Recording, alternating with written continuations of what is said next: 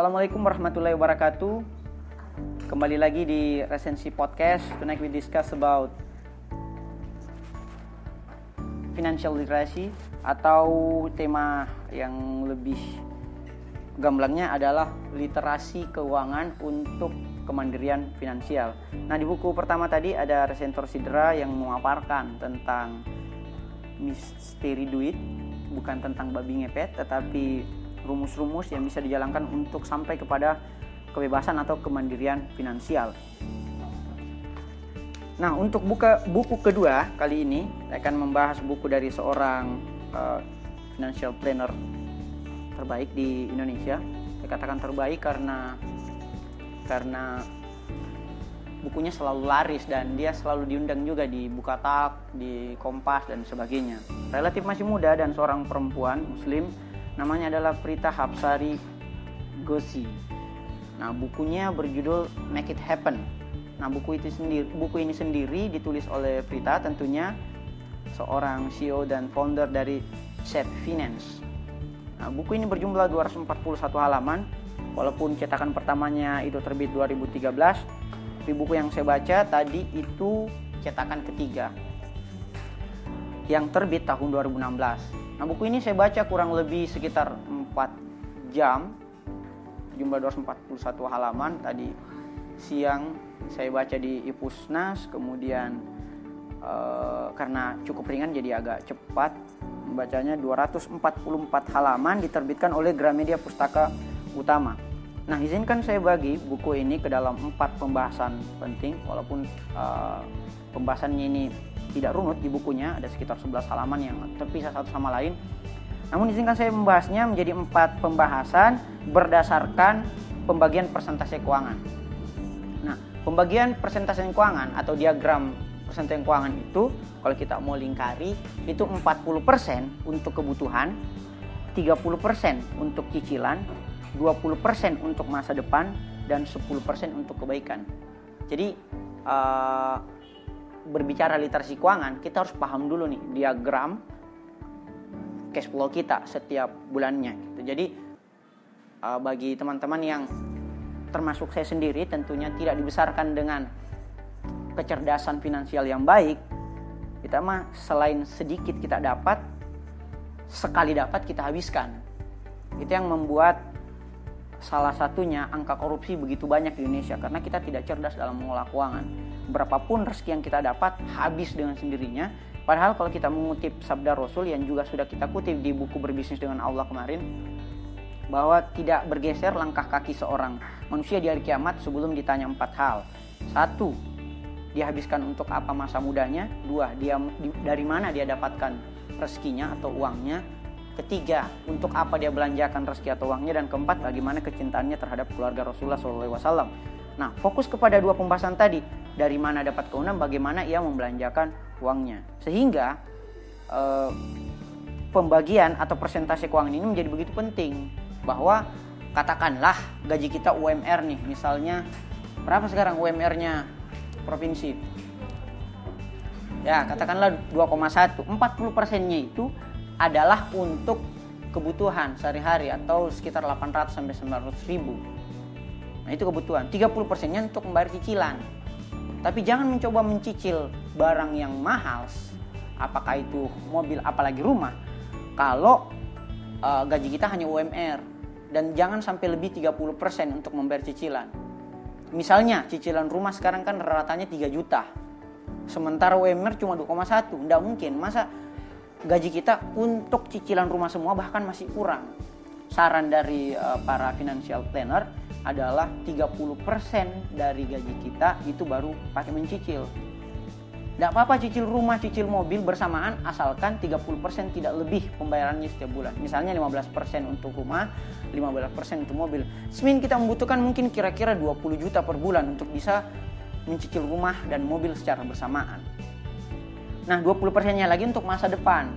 Masa depannya itu misalnya kayak simpanan, tabungan, investasi. Nanti kita jelaskan satu persatu apa sih pembedanya itu semua dan yang terakhir adalah 10% untuk kebaikan. Baik itu kebaikan sosial, dalam hal ini zakat, sedekah, humus, ataupun kebaikan diri seperti belanja, liburan, dan kuliner. atau kegiatan-kegiatan yang membuat kita happy itu cuma 10% bahkan 5% kalau kita bagi dengan zakat tadi. Nah, kita bahas yang pertama yaitu untuk kebutuhan. Saya menyebutnya sebagai fundasi perekonomian. Fundasi perekonomian itu adalah keluarga. Jadi dari keluarga dari keluarga lah fundasi perekonomian itu sebenarnya harus ditanam. Baik itu kita sebagai anak, yaitu kanak-kanak, remaja, dewasa, sebagai pasangan misalnya bagi yang sudah merit, ataupun sebagai orang tua nantinya. Anggaplah kita tidak terliterasi finansial secara baik waktu kita anak-anak, tetapi kita sudah dewasa. Dalam artian kita sudah bisa membangun kemerdekaan finansial kita sendiri. Sehingga nantinya ketika kita merit misalnya atau bahkan punya anak eh, keuangan itu bukan menjadi masalah lagi. For your information salah satu alasan mengapa perceraian terjadi itu ekonomi. Saya pernah uh, bekerja sebagai paralegal di kantor pengacara jadi saya tahu apa yang membuat KDRT atau bahkan perceraian ini terjadi. Permasalahan utamanya adalah ekonomi yang kedua karena menikah terlalu dini apakah itu karena kecelakaan, merit by accident, ataupun mau menerapkan prinsip-prinsip Rasul gitu. Prinsip Rasul pun 25 kali ya. 25 itu usia yang matang. Kalau Sayyidina Ali itu menikah 26 tahun. Nah, jadi e, bagi orang-orang yang mau menikah tidak apa-apa juga sih asalkan sudah mapan secara ekonomi maupun secara mental. Nah, sekarang saya lihat banyak anak-anak muda khususnya mahasiswi atau e, bagi yang masih belajar menganggap seluruh permasalahan hidup bisa selesai dengan menikah. Misalnya ada beban kantor, ada beban kampus, wah nikah aja deh gitu. Aduh, menikah itu bukan bukan bukan solusi. Bahkan bisa menjadi masalah itu sendiri kalau kita belum siap. Dalam artian eh, kita harus mencari pasangan yang juga terliterasi finansial dengan baik. Kalau kita sudah tidak terliterasi finansial dengan baik, berhadapan pula atau bertemu pula dengan pasangan yang tidak tidak cakap secara finansial, tidak cerdas secara finansial akan menjadi sulit untuk membangun sebuah rumah tangga baik. Uh, maksud saya bahwa cukup sudah begitu, cukup sudah seluruh permasalahan waktu kita kecil yang mana kita mau sekolah susah uangnya, mau kita jangankan sekolah, makan sehari-hari saja susah gitu. Jadi kalau bahasanya Donald Trump sekarang sudah jadi presiden, dulu masih uh, ekonom dan penulis buku. Saya pernah baca bukunya yang duet sama Robert Kiyosaki, judulnya Midas Touch. Donald Trump bilang gini bahwa kalau Anda terlahir miskin, itu bukan salah Anda. Tapi kalau Anda meninggal dalam keadaan miskin, itu kesalahan kita gitu, kesalahan kita. Dalam artian kita harus uh, uh, make a decision atau ambil keputusan bahwa ini sudah menjadi tanggung jawab saya. Apalagi Indonesia ini kayaknya kebergantungan pada orang tua begitu tinggi. Bahkan selesai kuliah masih ngarep sama orang tua dan sebagainya. Uh, kita lanjut sebagai orang tua atau setelah kita memiliki anak. Setelah memiliki anak ini lebih parah lagi. Nanti kita akan ekspor lebih dalam lagi di tabungan, tabungan pendidikan anak khususnya bahwa memiliki anak itu alih-alih mendatangkan rezeki bisa saja menjadi mendatangkan resiko kalau kita tidak cerdas secara finansial. Itu artinya banyak orang yang berubah paradigmanya, ideologinya setelah dia merit dan punya anak.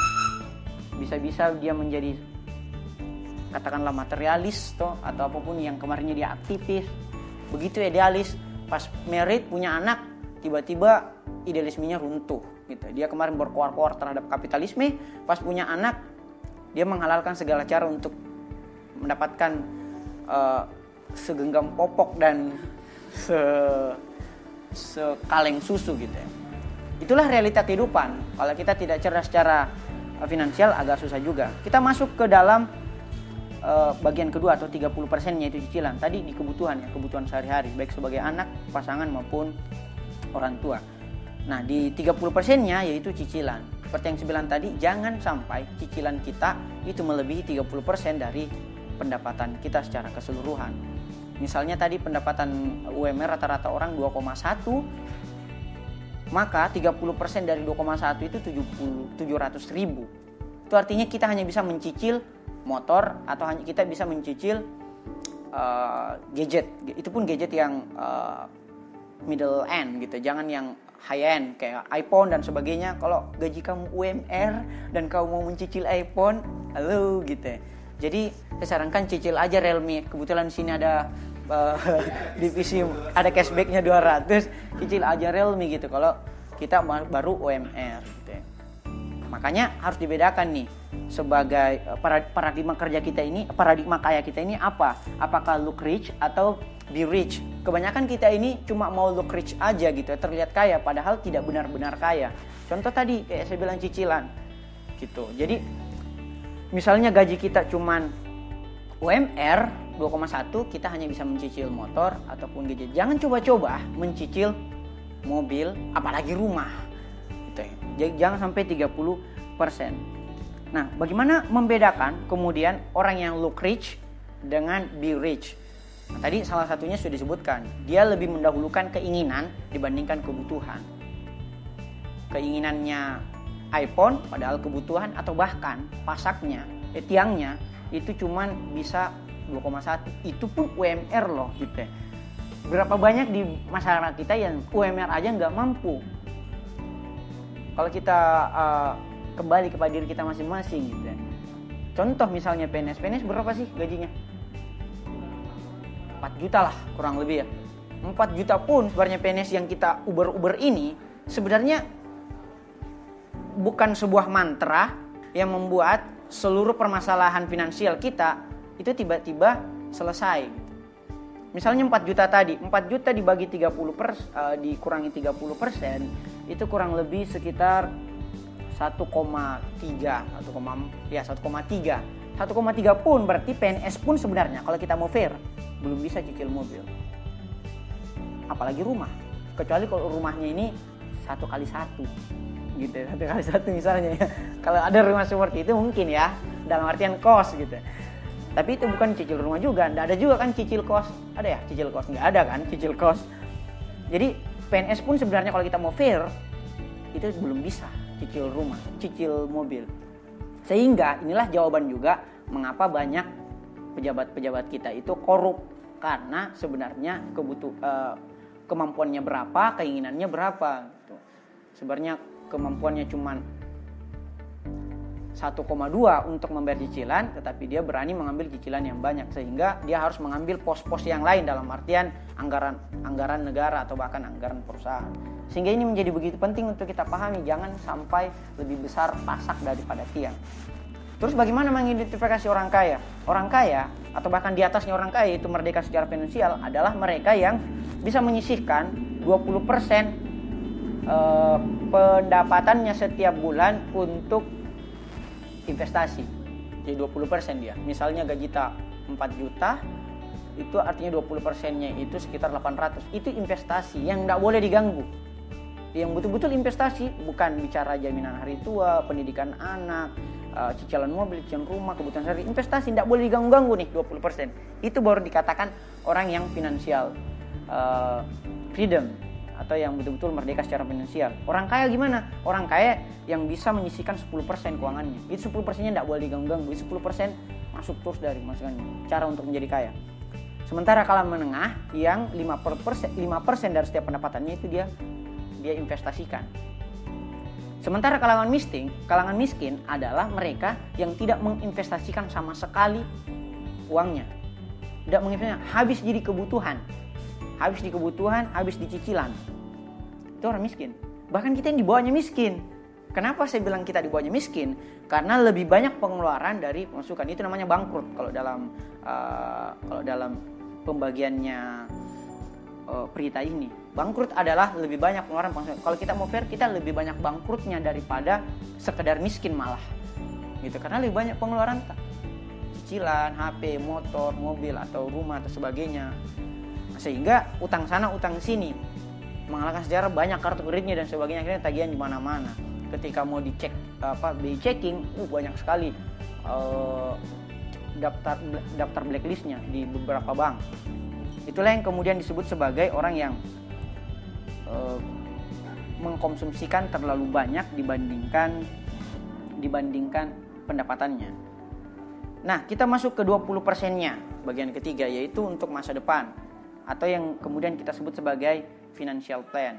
Bagaimana sih kita merencanakan masa depan keuangan kita? Itu sebenarnya bisa dibagi tiga dan ini berbeda. Saya juga baru tahu ketika baca tadi siang ini bukunya. Ternyata berbeda antara simpanan, tabungan, dengan investasi. Itu beda semua itu tiga. Apa bedanya? Simpanan adalah dana darurat. Simpanan itu akan habis, akan habis uh, kalau bukan satu dua bulan. Itu namanya simpanan. Dan dana darurat itu selalu ada. Dana darurat itu adalah dana yang kita butuhkan setiap bulan. Misalnya berapa sih pengeluaran kita sebulan? Dibagi semua itu sama cicilan, kebutuhan. Katakanlah kalau kita makan sehari dua ya lima puluh ribu lah per hari ya misalnya paling banyak itu sama ngopinya seratus lima puluh ribu satu juta lima ratus per bulan ada misalnya cicilan motor misalnya 850 sudah ada yang 2,3 gitu apalagi misalnya ada biaya tanggungan 2,5 berarti kita butuh 2,5 setiap bulan. Itu yang dimaksud sebagai dana darurat. Dan sarannya para financial planner itu kita punya harus di tabungan. Di simpanan itu tiga bulan dana darurat. 2,5 kali 3 7,5 itu baru simpanan. Dan kebanyakan milenial itu tidak memiliki simpanan sama sekali. Apalagi tabungan apalagi investasi. Jadi dana darurat saja nggak ada itu namanya simpanan. Yang kedua tabungan. Kalau tabungan itu berbicara satu tahun sampai 10 tahun ke depan jadi tabungan itu misalnya kayak pendidikan anak kita belum uh, belum punya tabungan sama sekali. Karena jangankan tabungan, simpanan aja belum ada. Jangankan simpanan, kebutuhan sehari-hari saja masih halang kabut. Tabungan ini kayak pendidikan anak. Jangan salah ya, pendidikan anak ini banyak sekali sehingga orang yang mau menikah muda pikir-pikir dulu deh. Bukan saya katakan bahwa jangan nikah muda sih, tapi maksudnya harus mapan secara finansial dan mapan secara mental juga. Nah, tabungan pendidikan anak kalau kita bicara pendidikan ya, tahun pertama memiliki anak itu membutuhkan ratanya 100 juta. Kalau kita mau review silahkan lihat data-datanya baik di buku ini maupun di internet ada banyak. Tahun pertama itu yang paling banyak 100 juta. Tahun kedua menyusut menjadi sekitar 80 juta. Tahun ketiga menyusut lagi sekitar 60-an juta. Itu untuk anak. Semua itu biaya popok, biaya susu, biaya uh, main-mainannya, biaya perawatnya dan sebagainya. Makanya cepat sekali sabdanya Rasul bukan sabda Rasul sih Al-Quran bahkan dua tahun penyapihan atau berikan susu sehingga si penulis buku ini Prita dia kasihkan susu eksklusif AC eksklusif itu selama tiga tahun bahkan supaya banyak selain mengikuti tuntunan Quran banyak banyak penghematan yang bisa dilakukan kalau kita pakai kasihkan ASI gitu. Itu tabung itu baru tahun pertama loh 100 juta. 100 juta. Mungkin kita tidak pikir karena pengeluaran sehari-hari yang dipikirkan. Padahal kalau kita ratakan dalam tahunan, langsung itu di Jakarta. Anggaplah kita di Mamuju. Ya anggaplah seperempatnya. 25 juta pun per tahun itu banyak sekali. Gitu. Artinya satu juta seratus satu bulannya. Banyak sekali itu untuk popok dan sebagainya, untuk susu. Jadi pikir-pikir dulu deh. Itu baru batita, bayi sampai ke batita, bayi 3 tahun. Balita dia sudah masuk PAUD. Sudah masuk PAUD berarti sudah masuk ke dalam institusi pendidikan kalau dihitung sampai dia S1, ini baru S1 lah ya. 1,6 miliar dibutuhkan uang untuk menyelesaikan studinya anak-anak. 1,6 di Jakarta. Anggap lagi seperempatnya uh, cuma seperempat ketika di Mamuju. 1,6 dari seperempat berapa? 800 400 juta. 400 juta untuk sampai S1. Sehingga kalau uang panennya orang 400 juta, wajar-wajar aja sih 400 juta misalnya ya. 400 juta itu untuk S1 itu baru S1 apalagi sekarang sudah S2 ada S3 saya harus akui pemilihan saya S2 di waktu yang sekarang ini itu kurang tepat. Salah satu pilihan yang kurang tepat dalam kehidupan saya. S2 uh, eh, di waktu yang kurang tepat. Nah apalagi kalau S2-nya eh, di luar negeri S3-nya dan sebagainya sekolahnya di swasta internasional waduh semakin mahal lagi. Ya ratakanlah 1,6 M di Jakarta atau sekitar 4 juta di daerah-daerah uh, provinsi misalnya kayak di Mamuju. Beda lagi sama investasi. Kalau tadi simpanan itu cuman dana darurat 1 sampai 3 bulan, tabungan itu tahunan, satu tahun, 1 uh, sampai 10 tahun, sementara investasi itu lebih daripada 10 tahun atau dana pensiun. Orang-orang yang mau merdeka secara finansial sudah harus me mengukur kapan dia mau pensiun. Bahkan tadi di rekom 30-an sudah sudah pensiun gitu. Kalau kita kan fokusnya saya kan PNS gitu 60 pi baru saya mau pensiun. Padahal pensiun lebih ini lebih bagus gitu. Tidak ada salahnya juga sih gitu. Selama kita sudah merdeka secara finansial kita sudah bisa pensiun. Kapan sih orang bisa dikatakan bisa pensiun? Kebutuhan orang pensiun itu berbeda-beda setiap orang tergantung pengeluaran bulanannya. Nah misalnya dalam buku ini ketika ada orang yang uh, melakukan konsultasi di Sep Finance dia membutuhkan sekitar 16 miliar kalau tidak salah 16 miliar supaya bisa pensiun dini. Sehingga dia harus melakukan reksadana lah obligasi atau apa pun itu. Kalau dalam Islam disebut sebagai uh, suku bunga apakah saya kurang tahu teknisnya? Ingasnya kalau saya pribadi menggunakan uh, apa lembaga perbankan syariah tidak menggunakan lembaga bank konvensional karena mengantisipasi ribanya. Jadi apa pun yang ada di syariah, walaupun itu masih debatable bagi beberapa ulama tertentu, setidaknya relatif lebih aman daripada bank konvensional. Termasuk di resensi, resensi pakai mandiri syariah ya. Jadi kalau mau orang yang rekeningnya mengirim resensi, silakan ke mandiri syariah. Ini tidak di support ya sama bank mandiri syariah. Dan yang terakhir 10 persennya untuk kebaikan. Baik itu kebaikan diri maupun sosial. Kebaikan sosial itu misalnya zakat ya per tahun 2,5 persen. Ada humus untuk uh, biaya pendidikan masyarakat dan terakhir sedekah. Sedekah ini dikhususkan bagi orang-orang terdekat dulu. Gitu karena misalnya kayak orang tua itu yang paling penting. Jadi sedekahnya bukan hitungan tahunan, bukan bulanan, bahkan bisa saja per harian gitu. Sedekah. Kalau bahasanya tak sidra, bagaimana kita berkhidmat pada orang tua ketika kita sudah lebih banyak waktu. Dan yang terakhir kebaikan diri. Kebaikan diri ini bisa saja belanja kah yang kita suka apa mau kita beli misalnya perempuan tapi cuma 10% Allah ya. Bahkan dibagi lagi dengan kebaikan sosial tadi. Sehingga mungkin sekitar 2-3% dari penghasilan itu baru kita bisa belanjakan sesuai dengan uh, passionnya kita. Liburan juga orang-orang yang merdeka secara finansial atau minimal dia uh, terliterasi secara finansial dia mengagendakan liburannya sekitar 3 sampai 4 kali per uh, tahun. Nah kalau bagi peneliti enak gitu karena dia diundang dia bisa sekaligus liburan. Misalnya dulu saya sama Albar itu uh, dibiayai secara full di Kolaka baik hotel, uang transportasi dan sebagainya untuk melakukan bedah buku di sana termasuk juga di di balik papan waktu buku kedua saya masa depan Pancasila. Nah, kemarin juga ada yang hubungi dari Palembang cuman karena kita fokus di resensi bimbel dulu jadi kegiatan diskusi atau bedah buku di beberapa kota itu kita kita uh, apa tunda dulu ya di 2020 maybe. Dan begitu pun juga yang kuliner kuliner itu biasa menghabiskan banyak anggaran. Tapi ada juga pos-pos yang disediakan untuk kuliner yang memang kita suka sekali. Misalnya kalau saya contohnya sushi ya. Enak sekali main sushi apalagi dia sushi itu wow di sushi nih di Makassar itu enak sekali. Nah itulah uh, pemaparan dari uh, buku ini untuk saya review bahwa tetap 40% untuk kebutuhan sehari-hari 30% untuk cicilan jangan melebihi 30% dari pendapatan kita, 20% untuk masa depan, baik itu simpanan, tabungan maupun investasi dan terakhir 10% untuk kebaikan, baik kebaikan sosial maupun kebaikan diri. Terima kasih. Wassalamualaikum warahmatullahi wabarakatuh.